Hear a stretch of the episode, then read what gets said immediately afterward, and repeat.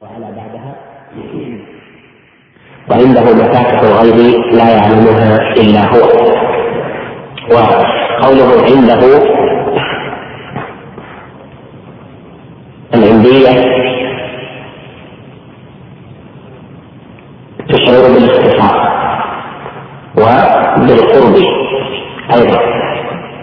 الذين عند ربك الذين عند ربك لا يستكبرون عن عبادته يعني المختصون بذلك القريبون.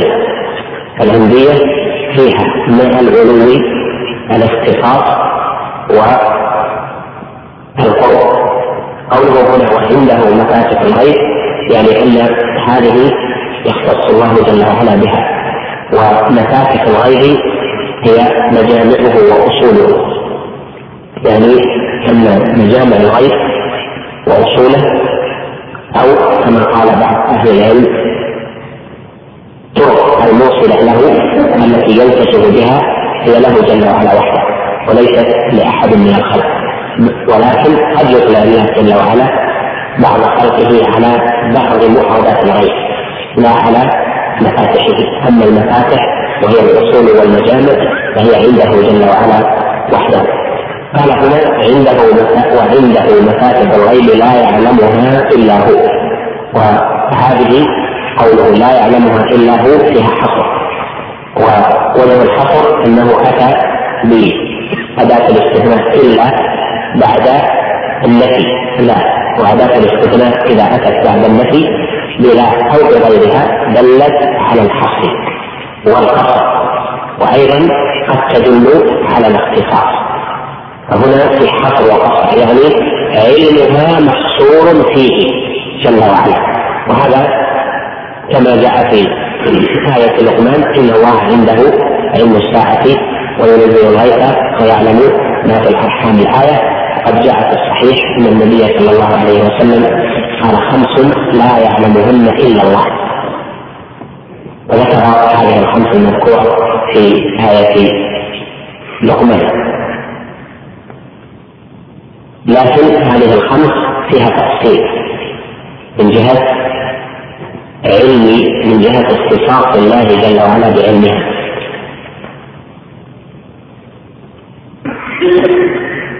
قال هنا ويعلم ما في البر والبحر. عموم يدل على ما ذكرت لك في الآية التي قبلها. وما تسقط من ورقة إلا يعلمها هذا الحصر.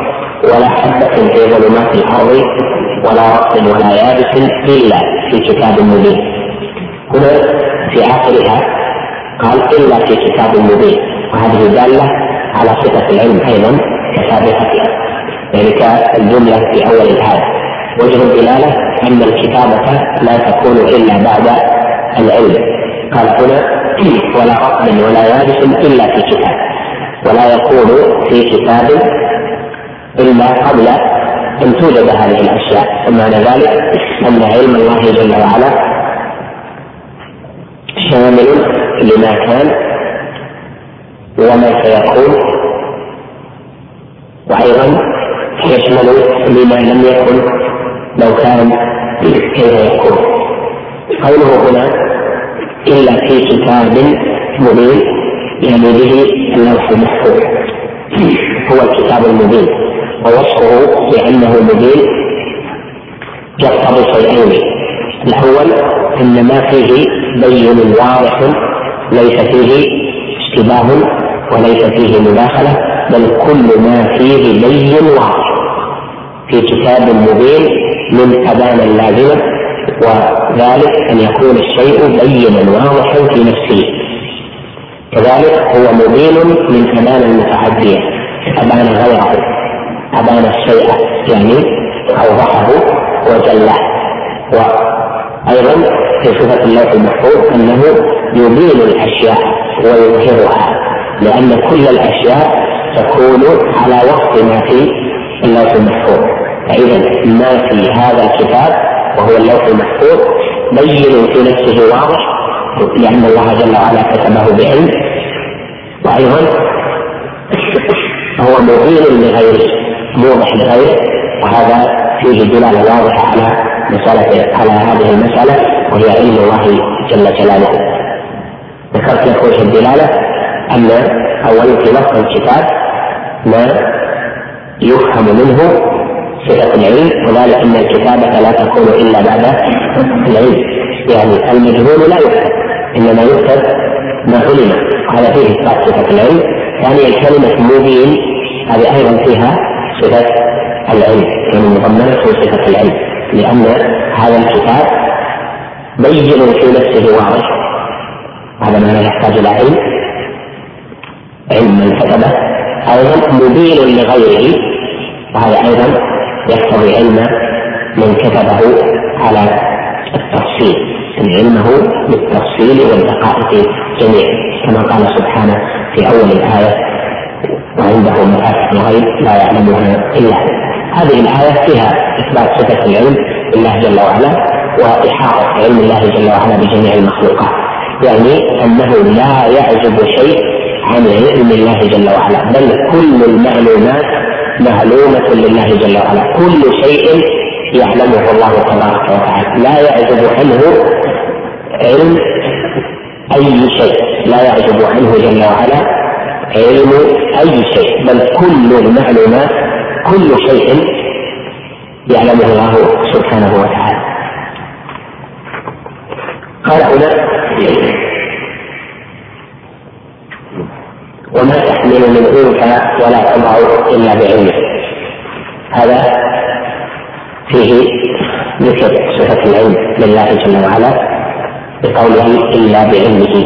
والكلام عليها. والكلام على ما سبق قال جل وعلا بعدها يعني ذكر الشيخ رحمه الله الآية التي بعدها بقوله لتعلموا أن الله على كل شيء قدير وأن الله قد أحاط بكل شيء علما.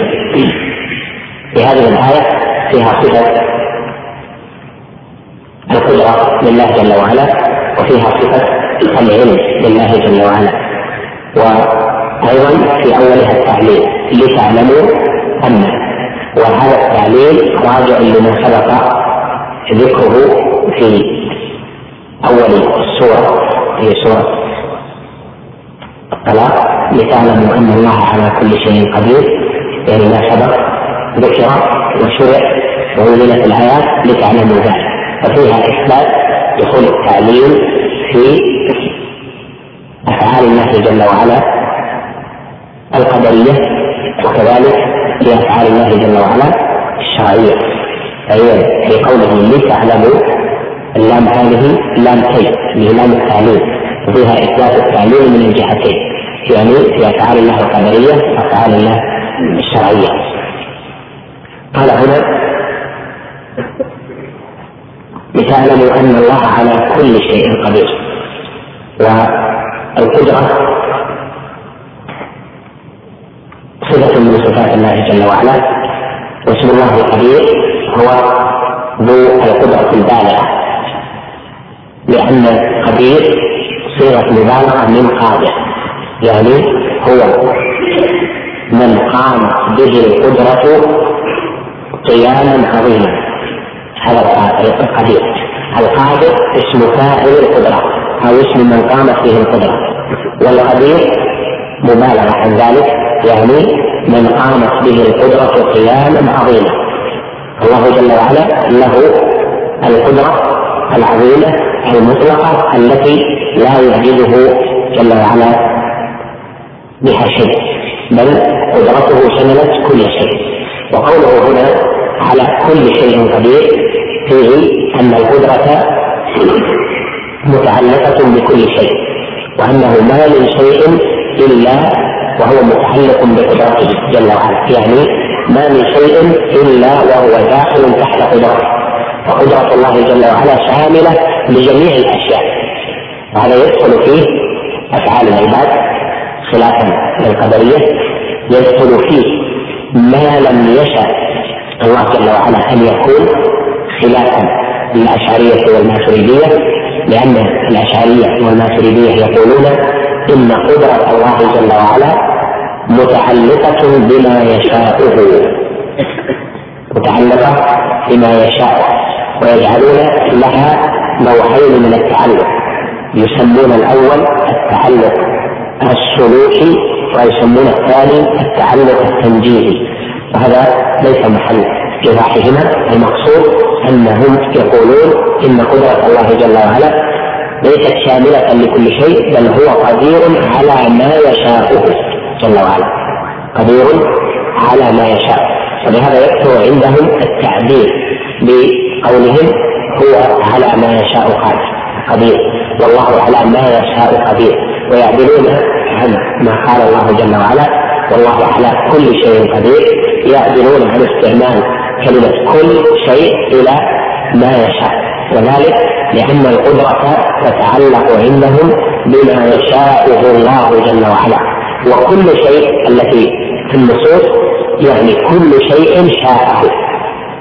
وليس كل شيء شاءه أو لم يشاءه.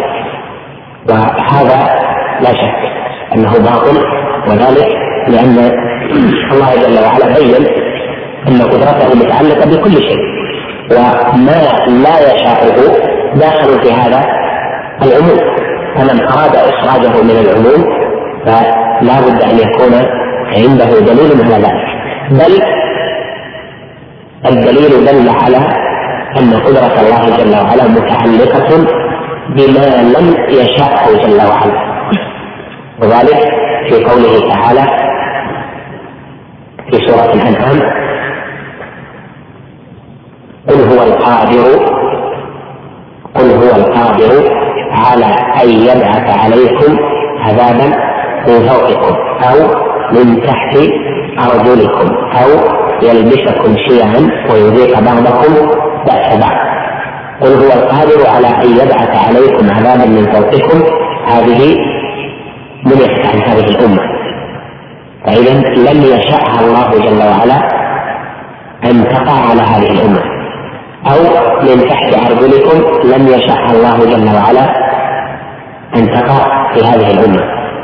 أو يلبسكم شيئا قال النبي عليه الصلاة والسلام هذه أهون فإذا دلت الآية على أن الله جل وعلا قادر على ما لم يشأه وعلى ما شاءه جل وعلا. إذا في الآية هذه التي معنا وغيرها تعلق علم الله تعلق قدرة الله جل وعلا بكل شيء. و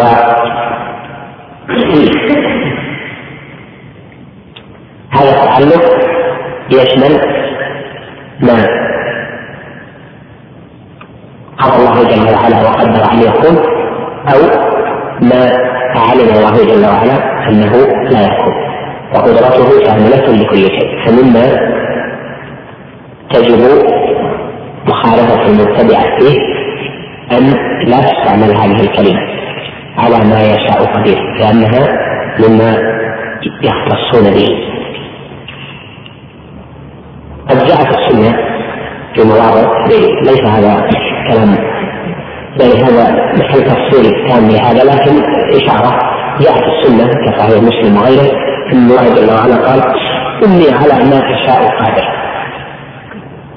وهذا فرغ به على ما اسلفت من الكلام لكن ليس هو اعتراض لأن قوله على ما اشاء قادر هذا اولا داخل في ضمن كل شيء قدير.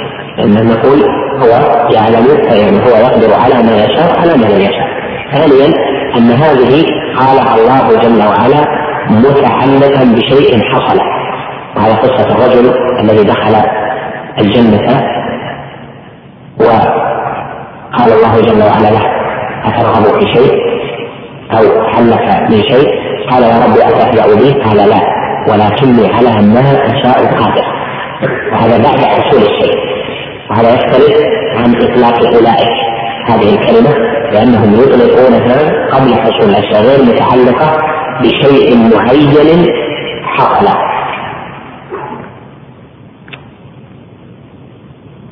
إلى آخر الكلام في هذه المسألة. المقصود قوله هنا لتعلموا أن الله على كل شيء قدير فيه اثبات صفة القدرة وأن أنها متعلقة بكل شيء.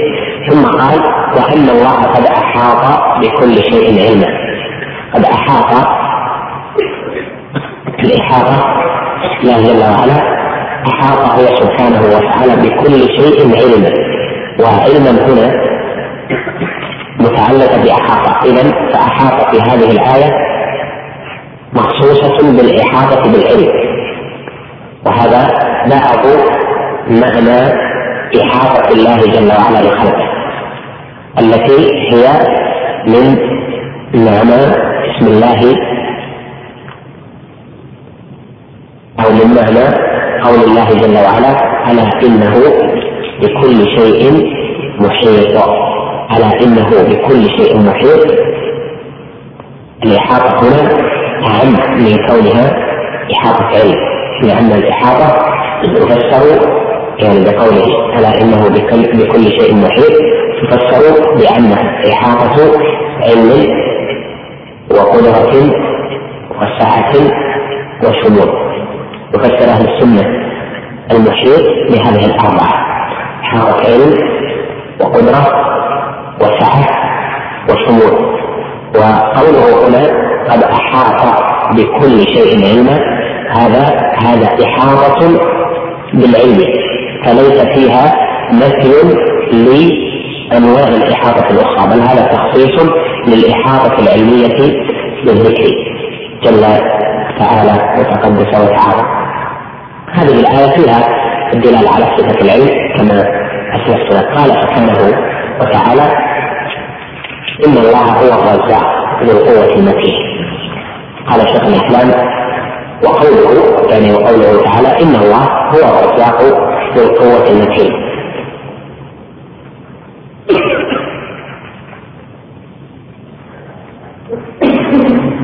وهذا فيه صفة وهي فيه اسم من أسماء الله وهو الرزاق وفيه اسم من أسماء الله وهو المتين. والمتين فيه منازعة هل يدخل في أسماء الله جل وعلا. 99 ام لا اما الرزاق فهو من أسماء الله جل وعلا. الحسنى التي من أسماء الله الحسنى 99 الرزاق هذه من حيث اللفظ صيغة مبالغة للغالب والغالب اسم فاعل الرزق الرزق بالفتح. الرزق هو المصدر. مثل الخلق والبر ونحو ذلك. أما الرزق بالكسر فلا يقال إن الله جل وعلا متصف بصفة الرزق. حاشا وكلا. إنما الله جل وعلا متصف بصفة الرزق لأن الرزق هو الحدث هو الوصف. أما الرزق فهو العين المرزوقة. الرزق هو الشيء. إذا اتاك اكل هذا رزق. مال هذا رزق الهدايه رزق يعني الرزق في المخلوقات. هو أثر الرزق. أثر صفة الله الرزق الرزق. فإذا الرزاق نقول صيغه مبالغة من رازق والرازق اسم فاعل الرزق. والرزق هو إعطاء ما تمس الحاجة إليه. الرزق هو إعطاء ما تمس الحاجة إليه. هذا الرزق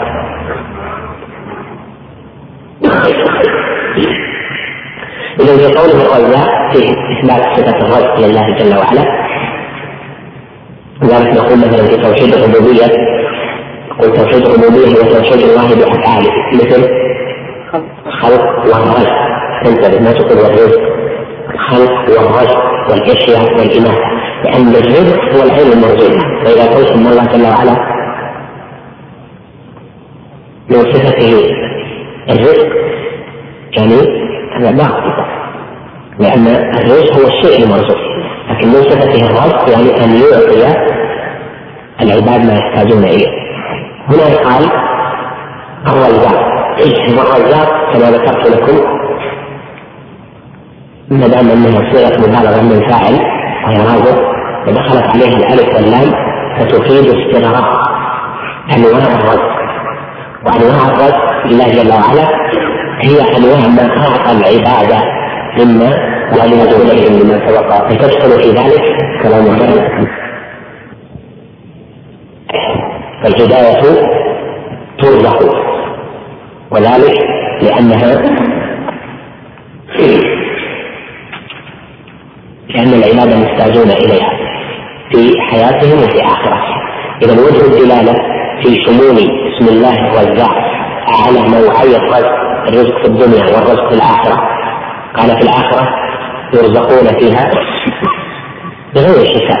الرزق غير متعلق بالدنيا بالدنيا والآخرة. كذلك هو بالمال والطعام والمشرب والملبس إلى آخره وكذلك الرزق الديني. وهو إعطاء الهداية وأسباب الهداية. إما بالتوفيق والإلهام وإما بالإرشاد والدلال. وهذا لا شك يكون فيه عموم بسم الله جل وعلا الرزاق. قال ذو القوة المتين. الرزاق ذو القوة المتين. والمتين هو واضح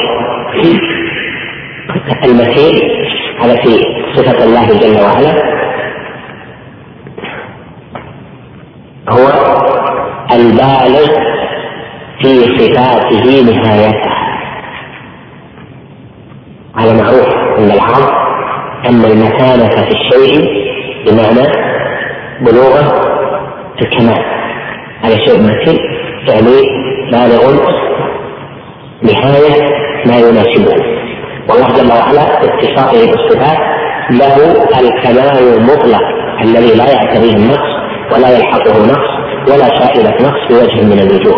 وهذا كله مستفاد من اسم الله المتين فإذا المتين هو البالغ في الصفة نهايتها هنا لما قال ذو قوة المتين لو فسرتها بأنها ذو القوة البالغ في قوته نهايتها البالغ في قدرته نهايتها صار هنا متعلقا بالقوة.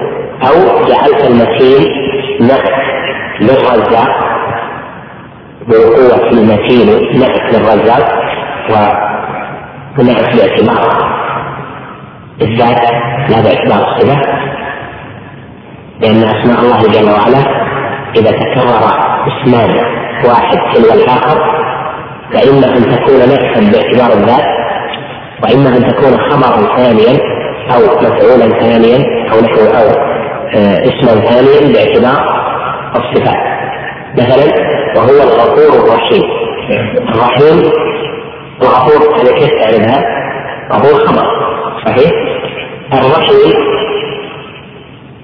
هل نعت للغفور أو خبر ثاني الحنسب عند كثير من أهل العلم ان يقال خبر ثاني لأن هنا الغفور الرحيم الرحيم هنا غير الغفور.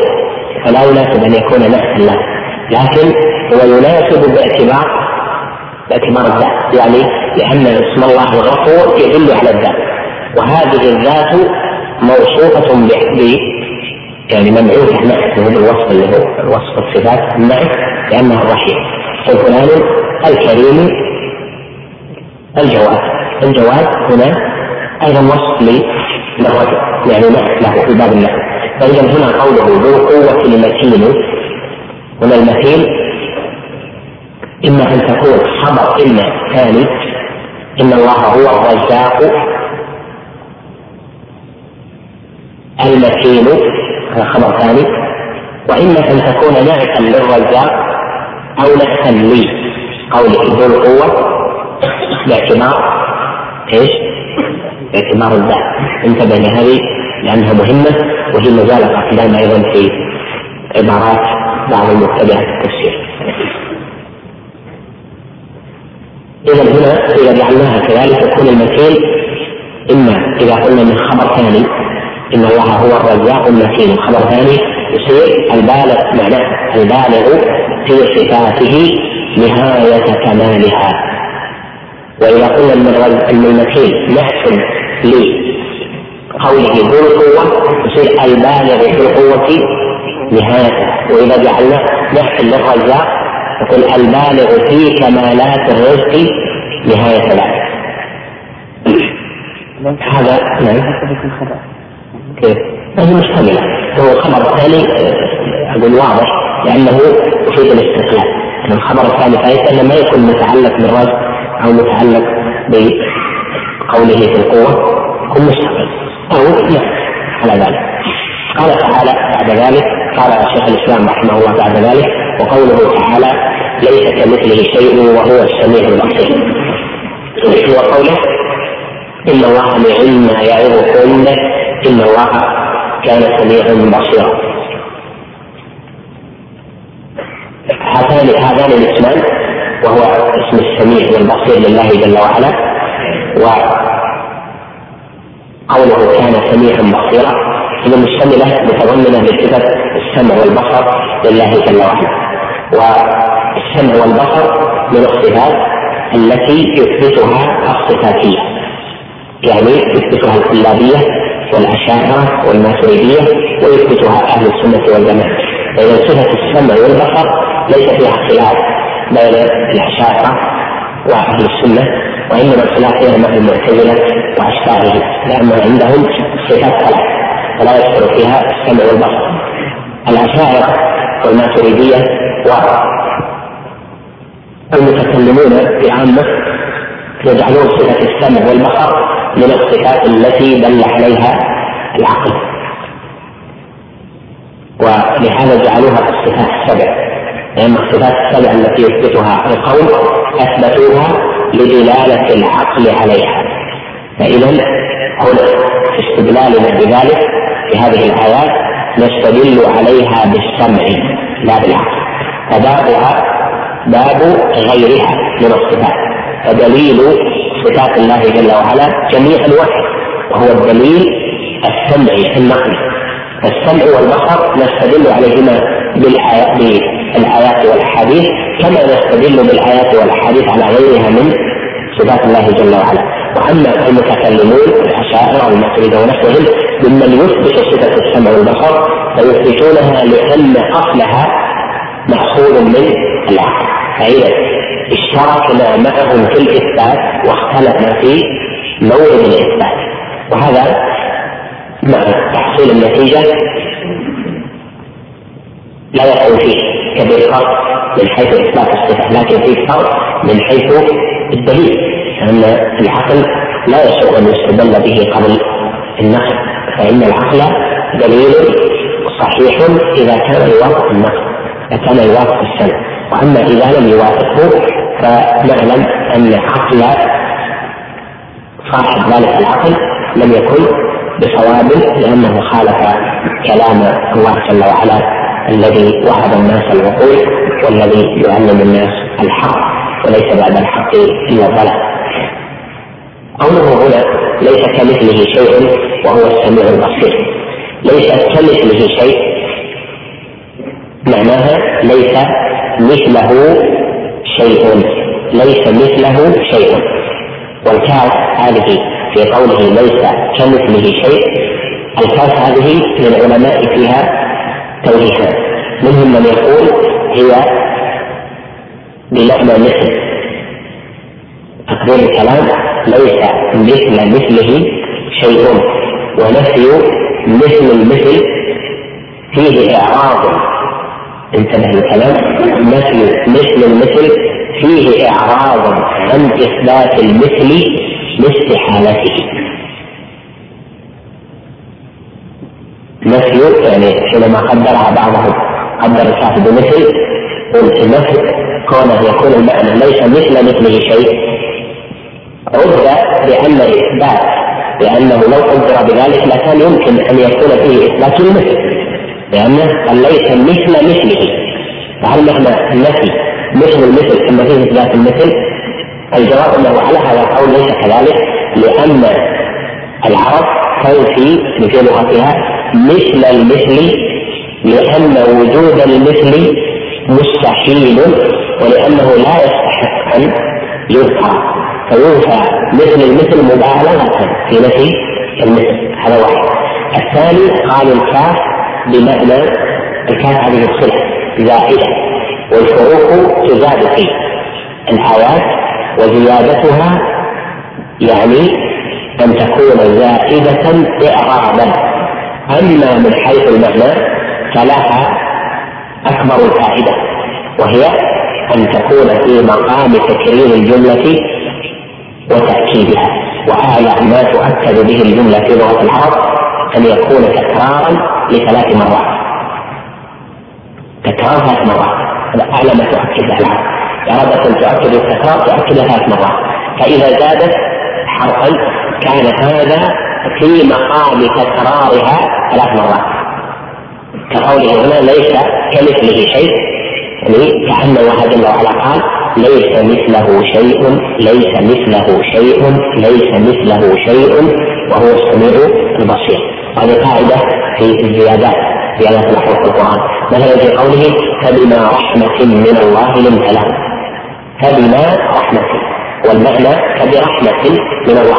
ما هنا؟ الحرف زائد إعرابا لكن فائدته في الكلام هو التوكيد فبما رحمة من الله لنت لهم يفهم منها العربي أن الكلام طرقه طرق سمعه ثلاث مرات.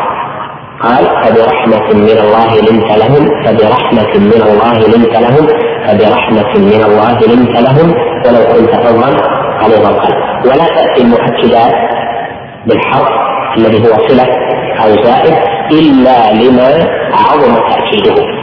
ما كثير القرآن لا أقسم بيوم القيامة لا هنا. إيه؟ صلة يعني حرف. زائد ليس معنى نفي القسم هو فيه إطلاق القسم بتكراره ثلاث مرات. أقسم بيوم القيامة أقسم بيوم القيامة أقسم بيوم القيامة.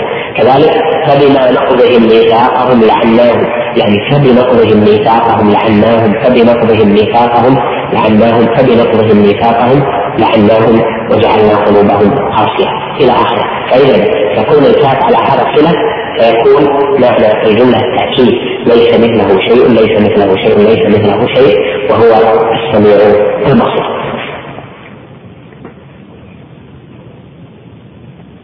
قوله هنا وهو السميع البصير ففيه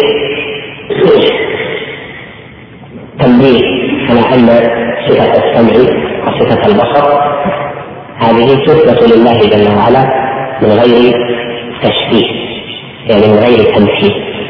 لأنه نفى أن ليس كمثله شيء؟ هذا في رد عن المجسمة والممثلة وقال وهو السميع البصير ففي رد عن المعطلة الذين يخلون الله جل وعلا من صفاته. قال بعض أهل العلم سبب ذكر صفتي السمع والبصر هاهنا أنهما صفتان مشتركتان بين أكثر الكائنات التي حياتها بالروح تجد ان الكائنات اللي حياتها بالروح لها سمع البصر. البعوضة لها سمع البصر. النملة لها سمع البصر. الذبابة لها سمع البصر. الهدهد الطائر له سمع البصر. وهكذا. الإنسان له سمع البصر. السبع له سمع البصر. لكن الإنسان يعلم أنه يعرف أن سمعه وبصره. مع ثبوته له ليس له شك في ذلك لكن ليس كسمع وبصر. البعوض ليس كسمع وبصر النمل. فإذا علم ذلك علم أن إثبات صفة السمع والبصر لله جل وعلا إنما هو إثبات معنى لا إثبات كيفية له تبارك وتعالى. وذلك لأن كيفية اتصاف الإنسان شو كيفية اتصاف؟ النملة بالسمع والبصر يختلف الكيفية. نقول إذا ينتج من ذلك أن ذكر السمع والبصر بعد قوله ليس كمثله شيء لهذه المناسبة وهو أن السمع والبصر صفتان مشتركتان بين غالب أو أكثر الكائنات التي حياتها بالروح. قال هنا إن الله نعم ما يعظكم به إن الله كان سميعا بصيرا هذا كالآية التي قبلها سميع بصير. السميع والفعيل هي أيضا فيها مبالغة من سامع يعني الذي لا يفوت سمعه شيء. كذلك البصير مبالغة من مبصر وهو الذي لا يفوت بصره شيء. يعلم ويرى دبيب النملة السوداء ويسمع ذلك يرى النملة السوداء في الليلة الظلماء على الصخرة السوداء بل ويرى من هذه النملة العروق بل ويرى ما يجري فيها من طعام كما قال ابن القيم رحمه الله تعالى ويرى نياط عروقها سبحانه وتعالى. فإذا بصره متعلق بكل المبصرات. صفة السمع معناها إدراك المسموعات صفة البصر معناها إدراك المبصرات هذه سبق اللي تقدم الكلام عليها بقي هنا على الآية التنبيه وهو قوله إن الله كان سميعا بصيرا. هنا في صفات الله جل وعلا يكثر أن تأتي بالماضي كان كان سميعا بصيرا. سمع ونحو ذلك. وذلك أن إثبات الصفات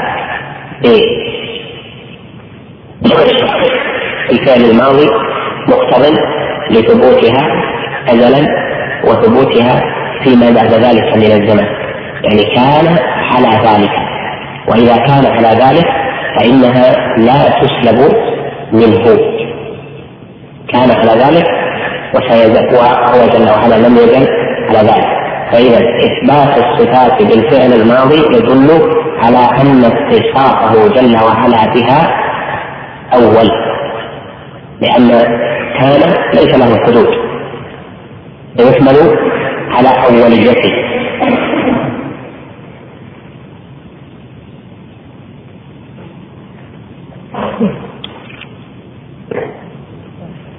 نقف عند هذا لأن إثبات المشيئة والإرادة يحتاج إلى تفصيل. الناس المنبه إلى إلى أنه لعارض عرض سيقف ستقف الدروس بعد نهاية هذا الأسبوع لمدة أرجو أنها لا تطول. لعارض السفر؟ نعم. يعني. لا المعنى الثاني أوجه. المعنى الثاني أوضح أنها صلة. أما المعنى الأول وهو أن تكون الكافية يعني مثل هذا صحيح عربية لكنه دون أن تكون صلة.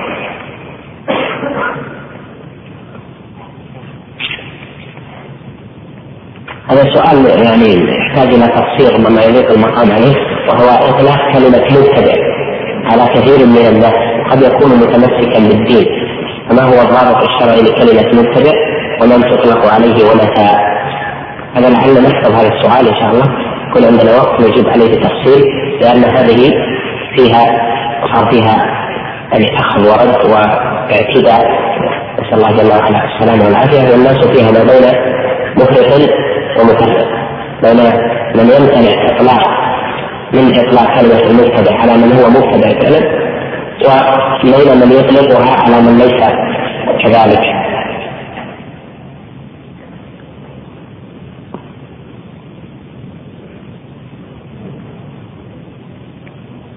هل يصح أن يقال إن لله علما علمه العباد وعلما لم يعلمه العباد؟ لو قال ولا يحيطون بشيء من علمه إلا بما شاء. العبارة صحيحة لكن لو قيل ان هذا الغيب غيب اطلعه اطلع العباد عليه وغير لم يطلع العباد عليه هذا ليس هذا كلام عن نقل الإمام البغوي يحتاج إلى تأكيد عن قوله في الأول القديم وفي الآخر هو الأول والآخر والآخر الرحيم والظاهر الحليم والباطن العليم. راجعه إن شاء الله ونجيبكم بعد ذلك. نقف على هذا واستودعكم الله الذي لا تضيع ودائعه. أما الآن فنترككم مع مجلس آخر من هذا الشرح. قال المصنف رحمه الله تعالى وقوله ولولا إذ قلت ما شاء الله لا قوة إلا بالله وقوله ولو شاء الله لقتلوا ولكن الله به وقوله إلا لكم الذي إلا إلا عليكم غير مسلم غير مسلم عنكم إن الله يحكم ما يريد وقوله فمن يريد الله أن يهديه فصدره لله ومن يريد ان يهديه صدره ضيقا يجعل صدره ضيقا حرجا انما يقع في السماء من يقرا من قاري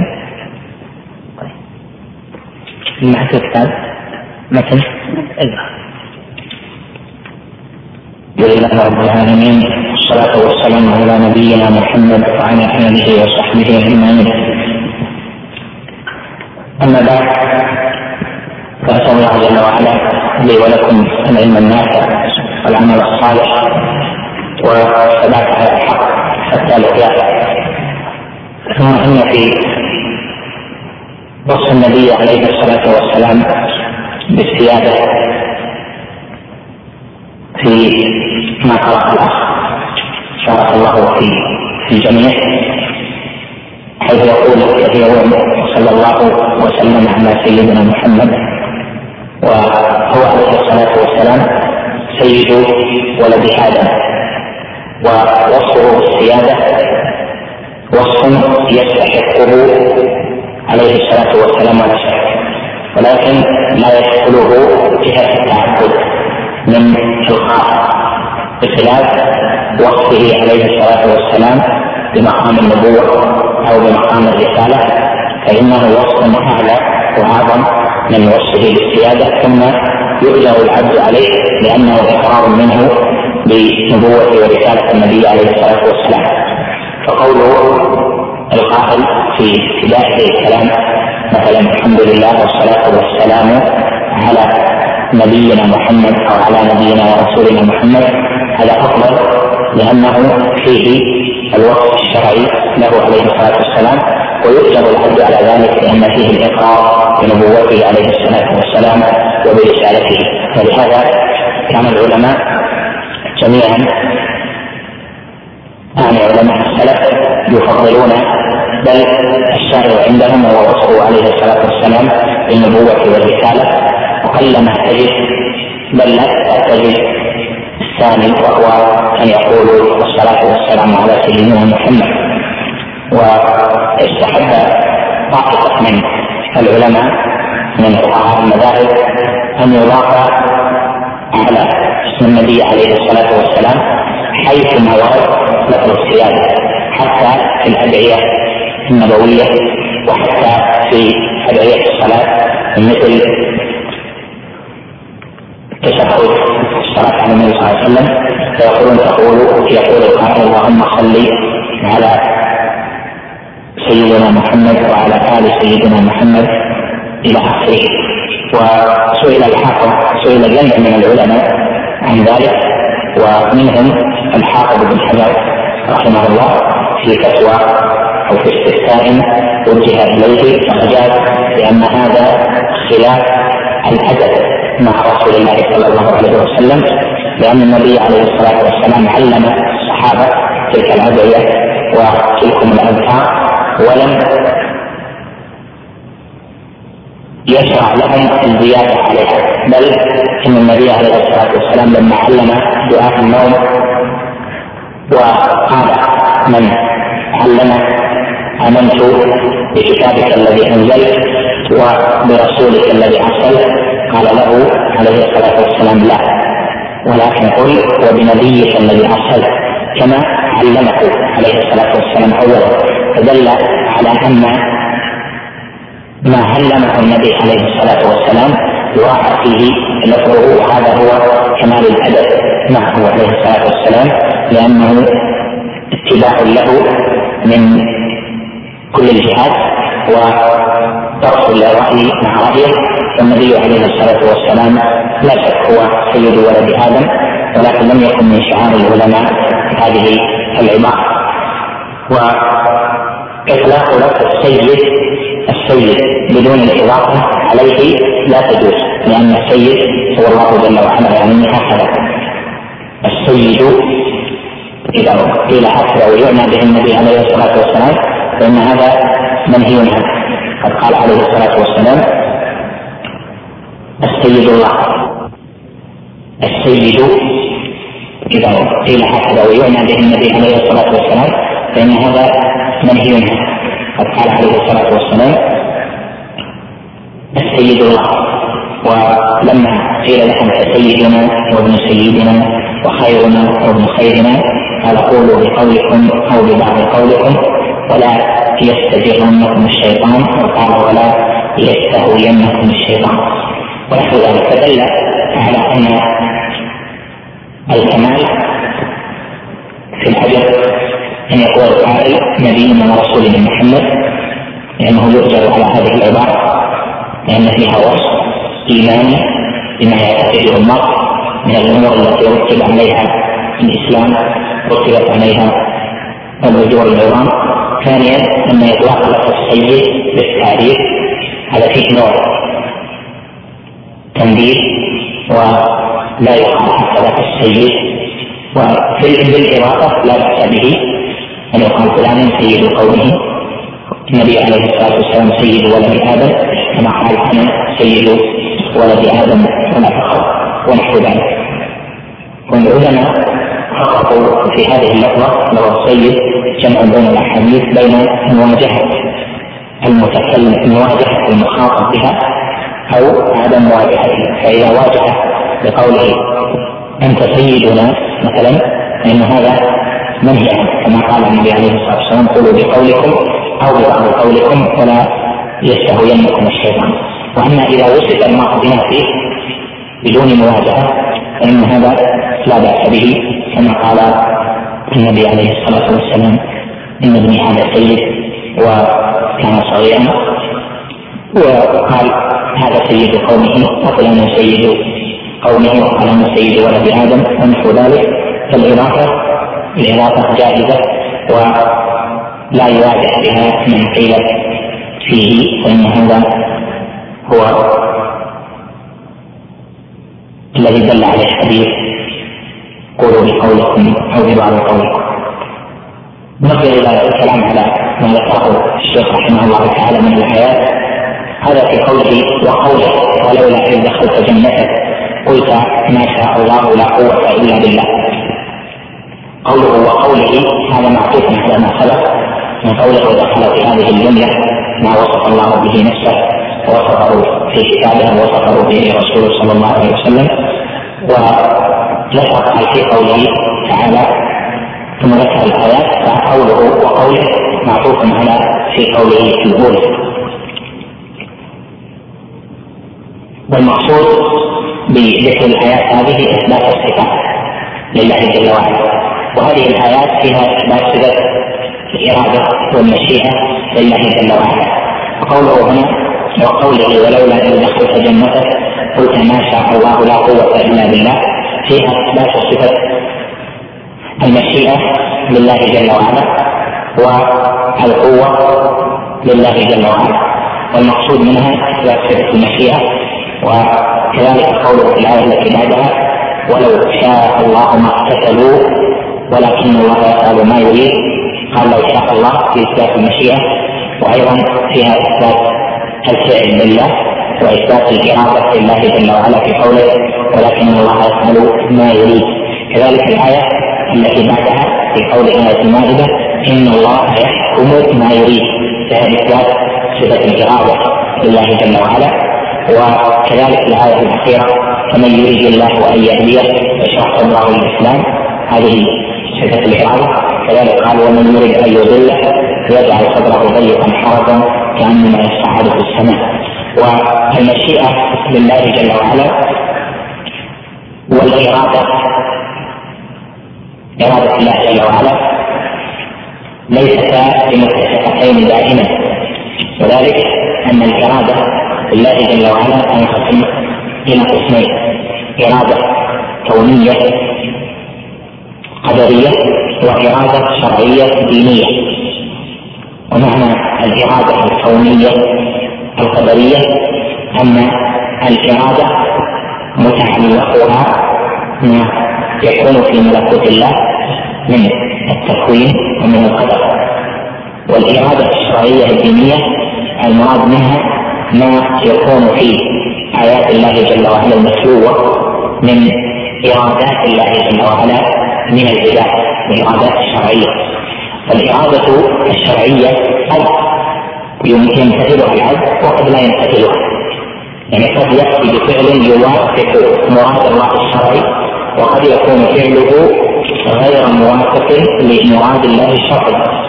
وأما الإرادة الكونية القدرية فهي ما يكون في ملكوت الله. لا بد لا يحصل شيء إلا وهو موافق لإرادة الله الكونية القدرية. والإرادة الكونية القدرية هذه قد يكون منها لا يكون تكون الاشياء إلا بها قد يكون تكون الاشياء من محبوبات الله وقد لا تكون من محبوبات من محبوبات الله. الله جل وعلا أراد الإيمان كونا من المؤمن وحصل العبد عليه واراد الكفر كونا من الكافر وكان العبد كافرا.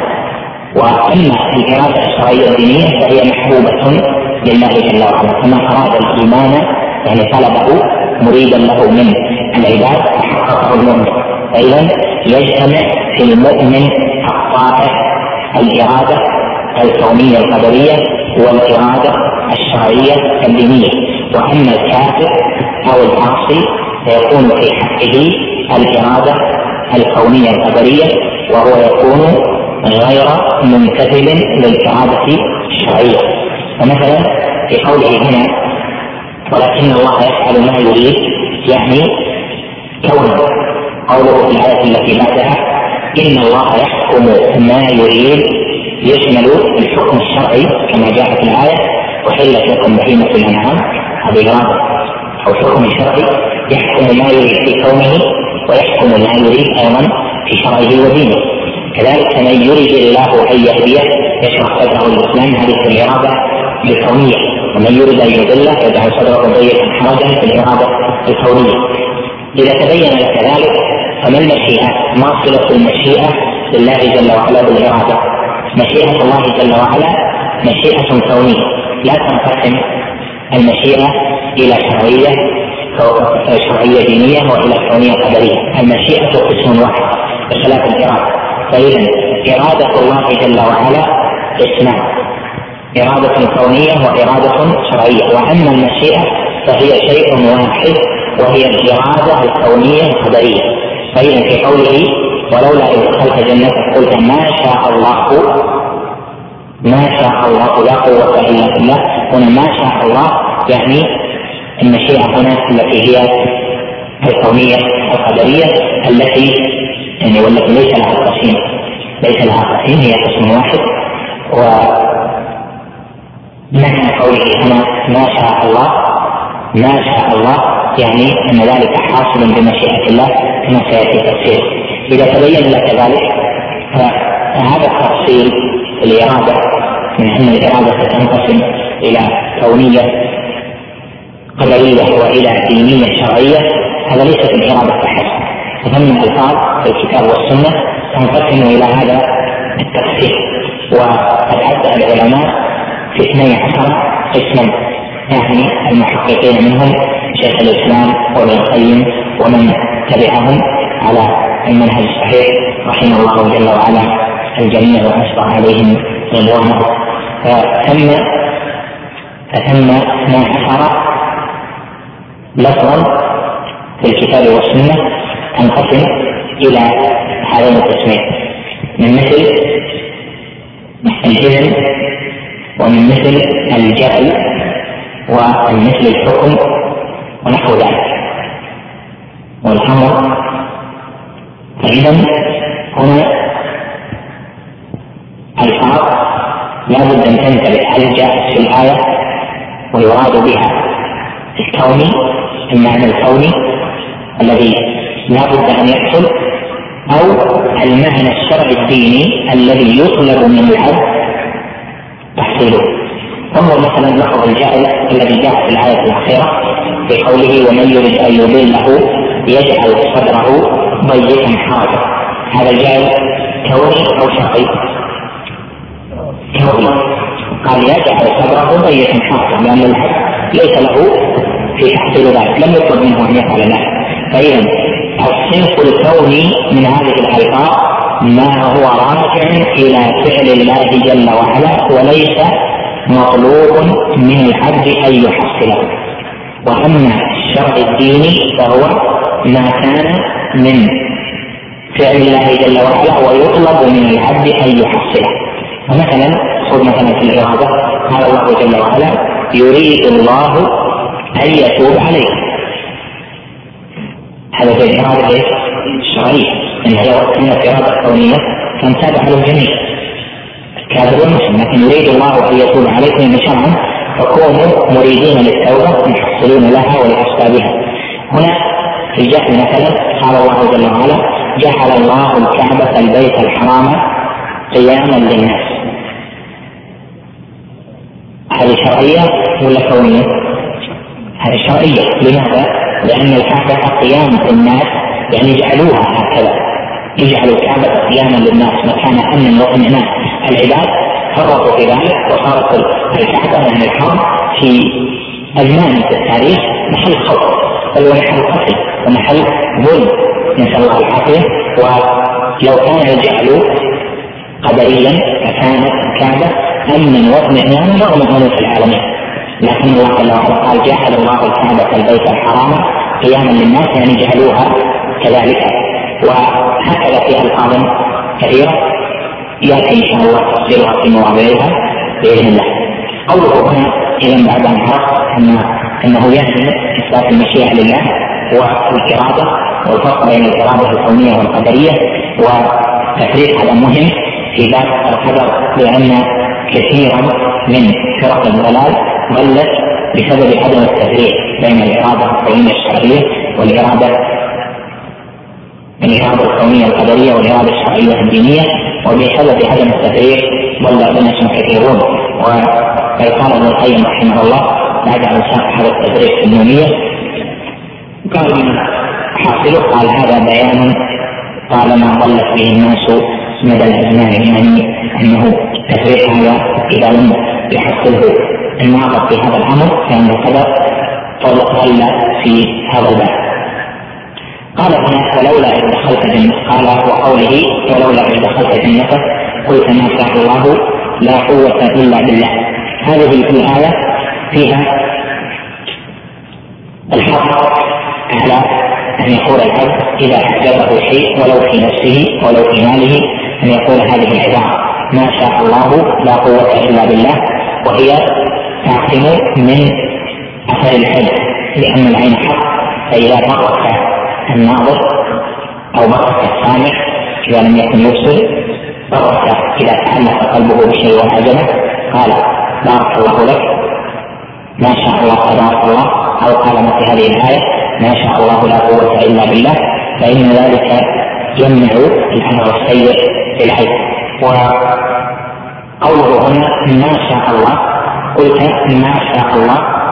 لا قوة إلا بالله. هنا في قوله لا قوة إلا بالله الحق. وهي في المعنى قوله كما تعلم في قوله لا حول ولا قوة إلا بالله يعني أنه لا قوة لك على أمر من الأمور ولا قوة لك في تدبير أمرك ولا في تدبير مالك ولا في تحصيل شيء إلا بالله جل وعلا. فالحول كما هو معلوم ضعيف إلا بربه جل وعلا. فإذا في قوله ما شاء لا قوة إلا بالله فيها تحقيق التوكل وتفويض الأمر إلى الله جل وعلا وحسن الظن بالله وإثبات أن الله جل وعلا هو ولي الفضل وهو ولي الإحسان وهو ولي الانعام وهو الذي ملك العباد. ما شاء جل وعلا. وأن العباد ليس منهم شيء وليس إليهم شيء وإنما هو فضل الله جل وعلا يسوقه إلى عباده. هنا في قوله ولو شاء الله ما اقتتلوا ولكن الله يفعل ما يريد. هنا ذكر المشيئة وذكر الإرادة. تقدم لنا أنهما هنا بمعنى الإرادة الكونية المشيئة هنا معروف به طبعا بمعنى ما شاء كونا والإرادة كذلك بمعنى الإرادة الكونية لو شاء الله ما اقتتلوا ولكن الله يفعل ما يريد. هذه فيها أن الله جل وعلا هو الذي يقدر الأشياء ويقدر أسبابها فهو جل وعلا لو لم يشأ قتالهم لو لو كان جل وعلا لم يشأ قتالهم ما حصل منهم اقتتال لو لم يشأ الله جل وعلا أن يموت بعضهم بسبب بعض ما حصل منهم اقتتال فإذا الله جل وعلا هو الذي شاء الاقتتال والاقتتال سبب في إلهاق الأرواح. فإذا الله جل وعلا شاء الأشياء وأسبابها. وهذا يعني أن مشيئته جل وعلا متعلقة بكل ما يحدث في الملكوت من الغايات والأسباب بل وأسباب الأسباب فما ينشأ من شيء له سبب إلا والله جل وعلا قد شاءه كونا ولو لم يشاء الله جل وعلا ذلك لم يقع كما قال جل وعلا وما تشاءون إلا أن يشاء الله رب العالمين ومشيئة الله كثيرة وهذه مرتبة من مراتب الإيمان بالقدر عند أهل السنة والجماعة كما هو أو كما سيأتي مفصلا إن شاء الله في موضعه. فإن من مراتب الإيمان بالقدر الإيمان بتعلق مشيئة الله جل وعلا بكل ما يحصل في الملكوت. فليس ثم شيء حصل إلا وقد شاءه الله جل وعلا كونه لا مغالب لله جل وعلا في ملكه. قال فلا ولكن الله يفعل ما يريد. هذه الآية فيها إثبات أن الله جل وعلا يفعل الأشياء لإرادة تعلقت بذلك الشيء. وفي ضمن ذلك إثبات الحكمة لله جل وعلا من وراء الأشياء. فإن الله جل وعلا يفعل ما يريد وفعله لحكمة. فإذا اغتسالهم كان مرادا من الله جل وعلا. واقع في مشيئة الله وكان مرادا من الله جل وعلا. وطبعا لفظ الإرادة غير لفظ المشيئة. لفظ المشيئة قد لا يكون معه علة شاء فلان هذا الشيء لكن لفظ الإرادة أراد هذا الشيء يكون ثم علة لذلك الشيء. فإذا لفظ المشيئة ولفظ الإرادة ليستا متساويتين من جميع جهاتها نعم يلتقيان في المشيئة في الإرادة الكونية لكن أيضا المشيئة لا تساوي الإرادة الكونية من كل جهاتها فإن الإرادة فيها معنى أنه فعل لشيء وأما المشيئة فليس فيها هذا المعنى. فإذا نقول الإرادة الكونية القدرية مشيئة وياء لهذا تفهم منها أن ثم حكمة ثم علة لذلك. قال ولكن الله يفعل ما يريد. وما هنا بمعنى الذي يعني يفعل الذي يريده. وهذا فيه عموم لأنه لأن الأسماء الموصولة عند كثير من أهل العلم. تفيد عموم ما كان في حجز صلتها. قال في الآية في ما بعد ذلك وقوله أحلت لكم بهيمة الأنعام إلا ما يتلى عليكم غير محل الصيد وأنتم حرم. إن الله يحكم ما يريد. هنا يتطلق الحكم وهذا يراد به الحكم الشرعي أو الحكم الكوني يراد به الحكم الشرعي لأنه ذكر قبلها حكما شرعيا. أحلت لكم بهيمة الأنعام هذا حكم حكم كوني أو حكم شرعي. وحكم شرعي. فإذا هنا في هذه الآيات في لفظ الإرادة في لفظ الجعل في لفظ الحكم وكلها منقسمة إلى إرادة كونية وشرعية وإلى حكم كوني شرعي وإلى جعل كوني شرعي الحكم الكوني دليله هذه فيها الحكم الشرعي. الحكم الكوني هل ثم دليل عليه؟ نعم. إن الحكم إلا لله يعني في كونه أو في أو في دينه. أن يكون في الدين؟ لأن الحكم بين المتحاكمين لكن الحكم الكوني أمر أن تعبدوا إلا. يعني دليل الشرع نعم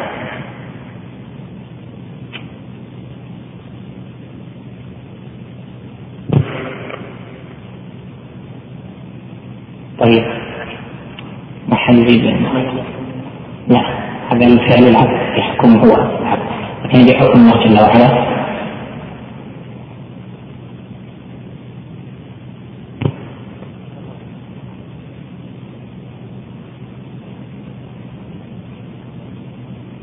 أن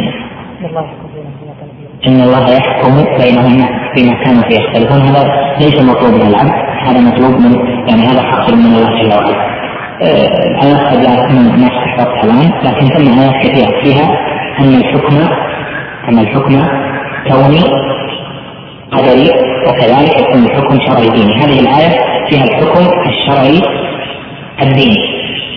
وحلت لكم بهيمة الأنعام إلا ما يتلى عليكم. هذه الآية فيها أن بهيمة الأنعام حلال. فبهيمة الأنعام الأصل فيها طبعا أنها حلال أحلها الله جل وعلا. ولكم أحلت لكم بهيمة الأنعام. لا يقتضي أنه كان قبلها تحريم فبهيمة الأنعام حلال ولم يكن حقا لم يحرمها الله جل وعلا. بل هي حلال. فقوله هنا أحلت لكم يعني جعلها الله جل وعلا حلالا وليس معناه أنه سبق ذلك تحريم الله.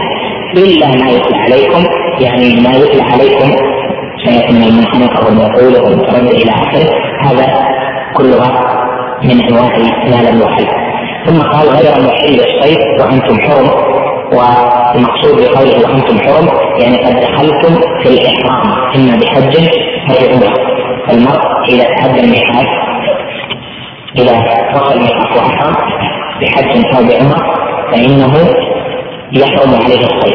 كما قال هنا غير محل الصيد وأنتم حر يحرم عليه أن يصيد أو أن يعين على صيده أو أن حتى يشير إلى الصيد بلسانه أو بيده أو نحو ذلك. الصيد لا يباح للصياد لا يباح للمشرك. قال جل وعلا بعد ذلك بعد هذه الأحكام إن الله يحكم ما يريد يعني في شرعه. وما يريد هنا يعني ما يريده شرعا ويدخل ذلك أيضا ما يريده كونه أيضا قوله إن الله يحكم ما يريد في هذه الآية المراد الحكم الشرعي والإرادة الدينية الشرعية ويدخل في العموم إن الله يحكم ما يريد الإرادة والحكم الكوني. القدر هنا في قوله إن الله المتكرر عند علماء الاصول وكذلك عند علماء العربية وعند علماء التفسير أيضا أن كلمة إن بعد الأمر والنهي والخبر تفيد التعليل تعليل ما سبق. والتعليل قد يكون لكل الجمله وقد يكون لأصلها وقد يكون لبعضها. فهنا إن الله يحكم ما يريد إن الله يحكم ما يريد. هذا تعليل للإحلال. وحلت لكم بينة الأنعام وتحليل وتعليل لعدم إحلال بعض بهيمة الأنعام. في قوله إلا ما يتلى عليكم. وذلك ان المشركين قالوا هذه التي ماتت حتى انفها إنما أماتها وقتلها الله. وتلك التي بكيت فإنما أماتها المخلوق. وما أماته الله جل وعلا أولى بالحل من ما أماته المخلوق. وهذا لا شك أنه مغالطة. الله جل وعلا قال هنا إن الله يحكم ما يريد. نحو ذلك من الآيات التي فيها أن سبب الطبع هو الكفر. سبب عدم الهداية هداية وكفر. فإذا نقول في الآية هذه في الآية هذه حالة الحالة الأولى حال المؤمنين الحالة الثانية حال الكافرين. المؤمن يشرح الله صدره للإسلام منة وتقبلا من الله جل وعلا وذلك قد يكون بسبب من الحق وأما القسم الثاني وهو الضالون وهم الضالون هم الكفار ممن لم يشرح تشرح صدورهم قال جل وعلا بهم ومن يريد أن يضله يجعل صدره ضيقا حرجا وهذا يكون بمجازاة الحد بذلك. فإذا الطبع بسببه وعدم هدايتهم بسببه وأما الهداية فهي قد يكون العبد له تحصيل ولكن التوفيق بيد الله. لأن العبد له أنواع مما يصده عن اتباع الحق. الشيطان يصده الأهواء تصده الشهوات تصده الشبهات تصده فهو لو وكل إلى نفسه قد لا يخلص من تلك العادات الكثيره لكن الله جل وعلا يمن على العبد ويوفقه ويلهمه حتى يكون منشرح الصدر بالهدايه فإذا هنا قال يشرح صدره الإسلام ولهذا يجب العبد المؤمن في نفسه الإقرار لله جل وعلا بأنه ذو الفضل عليه. ان من عليه الإسلام ذو الفضل عليه أن هداه ذو الفضل عليه أن وفقه أن اعانه كما قال جل وعلا يمنون عليك ان أسلموا قل لا تمنوا علي إسلامكم بل الله يمن عليكم إن هداكم للإيمان إن كنتم صادقين. قوله هنا يمن عليكم أن هداكم للإيمان؟ يشمل نوع الهداية هداية الإرشاد والدلالة وهداية التوفيق والإلهام. ونكتفي بهذا القدر. عند قوله وقوله واحسنوا ان الله يحب المحسنين. الحول والقوه فرق الحول انتقال من حال إلى حال يعني الحول لا حول يعني لا انتقال لنا من حال إلى حال. أما القوة تحتاجها في الحال الأولى وفي الحال الثانية. يعني الحال تنتقل من هذا المكان إلى ذاك المكان تنتقل من بيتك إلى المسجد. هذا هذا الحول لا انتقال لك إلا بالله. كذلك لا قوة لك على ذلك الانتقال في الحالين وفيما بينهما إلا بالله. هذا فيه تدريب في كل شيء. يعني فيه تدريب في جميع المحور تدريب الأمر لله جل وعلا. ولهذا فيها محور التوكل وتقول الأمر فيها جل وعلا.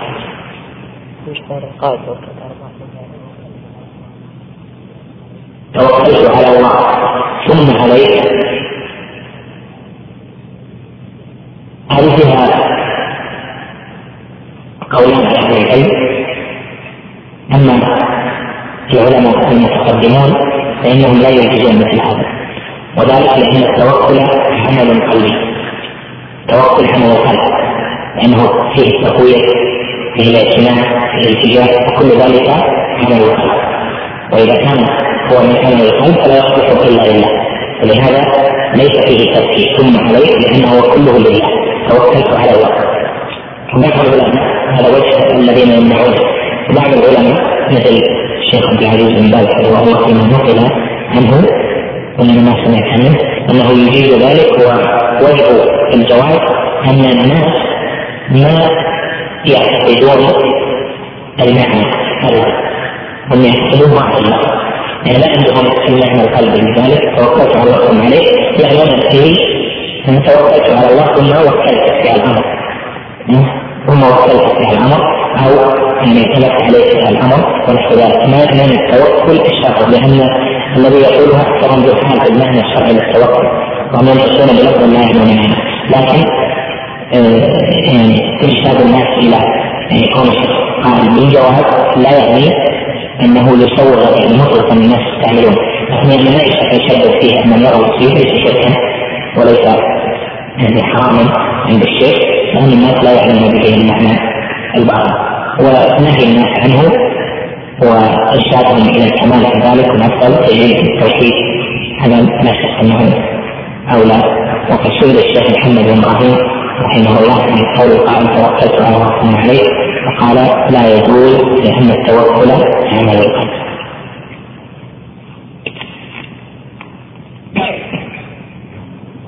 قال أرجوك.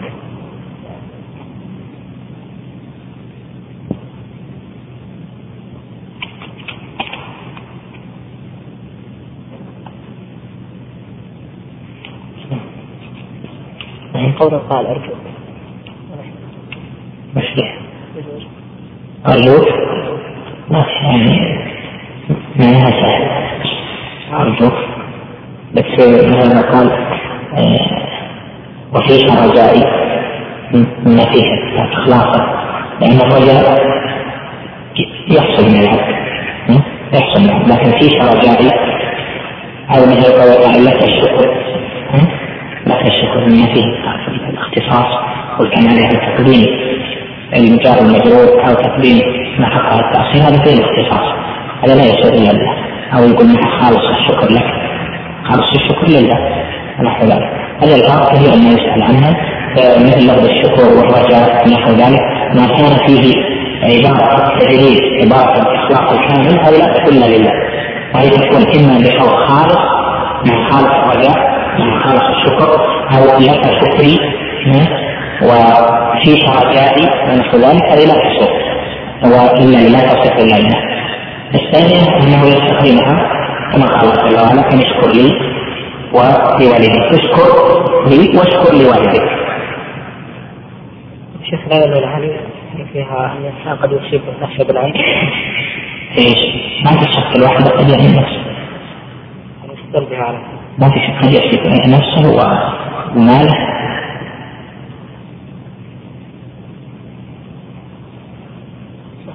قضاء من الألفاظ التي قد يراد بها كذلك القضاء مثل وقضى ربك أن لا تعبدوا إلا إياه هذا قضاء؟ شرعي. نعم. يعني الدروس ما بعد إن شاء الله. يمكن يتبين يوم الاثنين الثلاثة على كل حال يوم الاثنين والثلاثة جميعا بعد المغرب عندنا بس. الاثنين والثلاثة بالذات. الاثنين والثلاثة قد يكون في رمضان تتم الواسطية والإلزام فقط بين الدروس قد يكون يعني ما بعد رمضان بدرس التفسير غدا في مسجد شيخ الإسلام على ما هو عليه إن شاء الله. نعم. لأن بالأسبوع نخليها مع الزاد خلي الزاد محلها. الألفاظ اللي ذكرها نعم. ابحث ما تصير كسلان هي تجدها في كتاب شفاء الحليم ابن القيم شفاء العليم ولا شفاء الغليل؟ إيه يحتاج إلى إيش؟ إلى اروع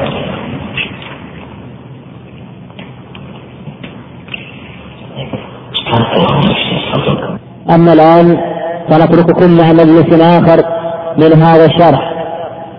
لله الذي بنعمته تتم الصالحات وبرحمته تكون الطاعات وأشهد أن لا إله إلا الله وحده لا شريك له. وأشهد أن محمدا عبد الله ورسوله وصفيه وخليله. صلى الله عليه وعلى آله وصحبه وسلم تسليما كثيرا إلى يوم الدين. أما بعد فهذه الايات التي سمعتم هي في معبد الاستدلال على صفة المشيئه لله جل وعلا وصفة الإرادة لله جل وعلا. وقد ساق شيخ الإسلام رحمه الله تعالى قبل ذلك آيات فيها إثبات صفات الله جل وعلا. اثبات فيها اثبات صفات لله جل وعلا متنوعة. وشيخ الإسلام في سياقه لتلك الايات تارة يكون مرتبا لها لمعاني وتارة تكون الصفة بعد الصفة هكذا اتفاقا فهذه الصفة صفة المشيئة والإرادة ذكرها بعد صفة السمع والبصر في قوله تعالى إن الله نعم ما يعظكم به إن الله كان سميعا بصيرا. ومن المناسبة في ذلك أن السمع والبصر والإرادة والمشيئة ثم يرتبها بعد ذلك بالمحبة والرضا والحياة ونحو ذلك من الصفات هذه الصفات يثبتها الأشاعرة والماتريدية ومن في ذلك وهي صفات يثبتونها بالعقل وهي ثابتة أيضا كما ذكر الأدلة على ذلك بالسمع فهو يريد أن يقول إن هذه الصفات التي أثبتها أولئك المبتدعة على الأصل العقلي عندهم هي ثابتة بالأدلة المنقولة بما جاء في كتاب الله جل وعلا من الآيات الكثيرة في ذلك. وما ذكر إنما هو على جهة التمثيل. وما ثبت أيضا في ذلك من السنة كما سيأتي الاستدلال ببعض الأحاديث على الصفات. وصفة الإرادة والمشيئة لله جل وعلا الأدلة على إثباتها من الكتاب والسنة أكثر من أن تحصى بل من من الواجب عند أهل الفطر السليمة أن الله جل وعلا يفعل ما يشاء ويفعل ما يريد لأن ذلك من مقتضيات كونه ربا جل وعلا فإن الربوبية مقتضية أن يفعل في ملكه ما يريد لأنه لو فعل في ملك لو فعل في ملكه ما لا يريده كونا لكان في ذلك منازع له في الربوبية. ولهذا فإن صفة الإرادة والمشيئة هذه لم ينكرها إلا طوائف من الفلاسفة. الضلال وهم لا ينكرونها مطلقا وإنما ينكرون بعضها والمتكلمون على وجه العموم يثبتونها بالعقل ودليلها من العقل عندهم التخصيص والإرادة عندهم إرادة قديمة. وتعلقها بما علم الله جل وعلا أنه سيكون بالإرادة القديمة هذا التعلق بما سيحصل تعلقه بالقدرة المحدثة له يسمونه تخصيصا ويسمون التخصيص الإرادة أيضا عندهم أن الإرادة هي تخصيص المقدورات بالمقدورات المعلومة. أجلا لله جل وعلا بما خصصت به ويعنون بالتخصيص أنواعا من التخصيص منها أنها كانت في هذا الزمن دون غيره. مثلا خلق الله الشيء المعين في هذا الوقت دون غيره. لما خلق في هذا الوقت دون غيره؟ تخصيص المخلوق أو الحادث بما حدث له في زمن دون غيره هذا التخصيص عندهم هو معنى الإرادة فهذا من جهة التعلق بالزمن كذلك من جهة طول والقصر والضخامة والضهالة من جهة تكامل الصفات فيه وغير تكامل الصفات فيه يعني في المعين. طول مدة بقائه وقلة مدة بقائه انعدامة أو غير انعدامة ونحو ذلك. كل هذه تسمى عندهم تخصيصات. وهذا التخصيص في الأشياء هو الدليل العقلي الذي نصبوه على صفة الإرادة. ولا شك أن هذا الدليل من حيث هو استنتاجه صحيح. فإن التأمل في هذه الأشياء التي خلقها الله جل وعلا على اختلافها. لا شك ينتج أن تلك التخصيصات المختلفة إنما جاءت من جهة إرادة الله جل وعلا لهذه الأشياء أن تكون على ما هي عليها وقد أثبت شيخ الإسلام رحمه الله هذا الدليل في شرح العقيدة الأصفهانية و أثبته أيضا في سائيته القدرية حيث قال رحمه الله تعالى وفي الكون تخصيص كثير يدل من له نوع عقل أنه بإرادته. وهذا ولو كان صحيحا لكن القاعدة أن النصوص إنما النصوص أن الصفات إنما تثبت بالنصوص. فإذا جاء العقل مثبتا لصفة فإنما هو تابع لما دل عليه النص. وهذا هو ما يعتمده أهل السنة في الدلالة العقلية على الصفات. في الدلالة العقلية للصفات يعني في إثبات الصفات عن طريق الدليل العقلي فإنهم قد يذكرونه وقد لا يذكرونه وذلك باستغنائهم بالوحيين ولا يعني ذلك ان إثبات الصفات لا يكون بطريق عقلي بل منها كثير يكون إثباته بطريق عقلي صحيح. ولكن لا يذكر أهل السنة الطرق العقلية لأن الكتاب والسنة عندهم كافيان في إثبات الصفات لأن الله جل وعلا أعلم بنفسه والعقل معرض للخطأ. ومعرض للزلل وأما النص فهو الكامل من كل جهته. إذا تبين لك ذلك فهذه الأدلة التي ذكرها فيها اثبات المشيئة لله جل وعلا كقوله تعالى ولولا دخلت جنتك قلت ما شاء الله لا قوة إلا بالله. وفيها إثبات المشيئة والإرادة في قوله تعالى في الآية الثانية ولو شاء الله ما اقتتلوا ولكن الله يفعل ما يريد. فيها إثبات الإرادة الشرعية في قوله إن الله يحكم ما يريد أو الإرادة الشرعية والكونية معا وكذلك الإرادة الكونية في قوله فمن يريد الله أن يهديه يشرح صدره بالإسلام فهذه الآيات فيها إثبات صفة المشيئة وصفة الإرادة لله جل وعلا وفيها إثبات غير هاتين الصفتين. ولكن مقصود شيخ الإسلام من الاستدلال بهذه الآيات صفة المشيئة أو صفة الإرادة.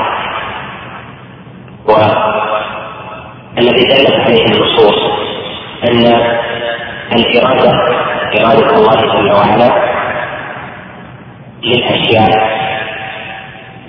هذه تنقسم إلى إرادة كونية قدرية يعني متعلقة بالكون بمخلوقات الله من حيث إيجادها وإعدامها من حيث تقلباتها وأحوالها وهناك الإرادة الشرعية الدينية وهذه المتعلقة بالأمر. فالإرادة الكونية متعلقة بالخلق والدينية متعلقة بالأمر. والله جل وعلا له الخلق والأمر. والمشيئة مشيئة الله جل وعلا هي هي الإرادة الكونية. فإذا قلنا شاء الله كذا يعني أراده كونه وإذا قلنا أراد الله كذا فهذا يحتمل أن يكون المراد من الكونيات أو أن يكون المراد من الشرعيات. وأما المشيئة فليس ثم دليل في الكتاب ولا السنة على انقسامها إلى مشيئة كونية ودينية. وإنما الذي ينقسم الإرادة فإذا صارت المشيئة بعض الإرادة فالإرادة من أقسامها المشيئة ومن أقسامها الإرادة.